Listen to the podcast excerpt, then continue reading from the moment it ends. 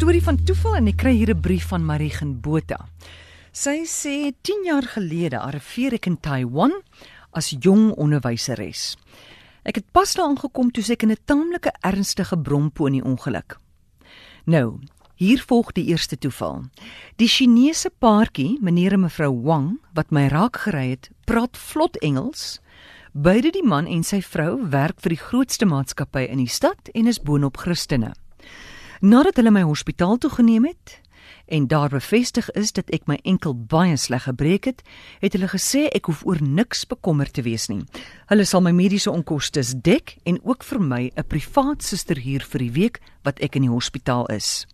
Nou, net so tussen hakkies, verpleegsters in Taiwan deel net pille uit en neem bloeddruk. Alle ander versorging is familie of vriende se verantwoordelikheid. Natuurlik was my ouers aanvanklik baie geskok en bekommerd, maar het vir meneer Wang en sy vrou 'n e-pos gestuur en hul dankbaarheid betuig. Ongeveer 'n jaar later kom kuier my ouers by my in Taiwan en een van die plekke wat ek vir hulle wys is toe nou die McKay Hospitaal se kamer 801A waar ek 8 dae lank gelê het. Eers is ons na die fisioterapie saal, daarna op met die huiser na vloer 8. Toe die huiser se deure op die 8ste vloer oopgaan, staan einste meneer Wang voor my. Meneer Wang is toe daar om 'n kollega te kom besoek. Toevallig en my ouers kon persoonlik dankie sê. Wat 'n toevalligheid.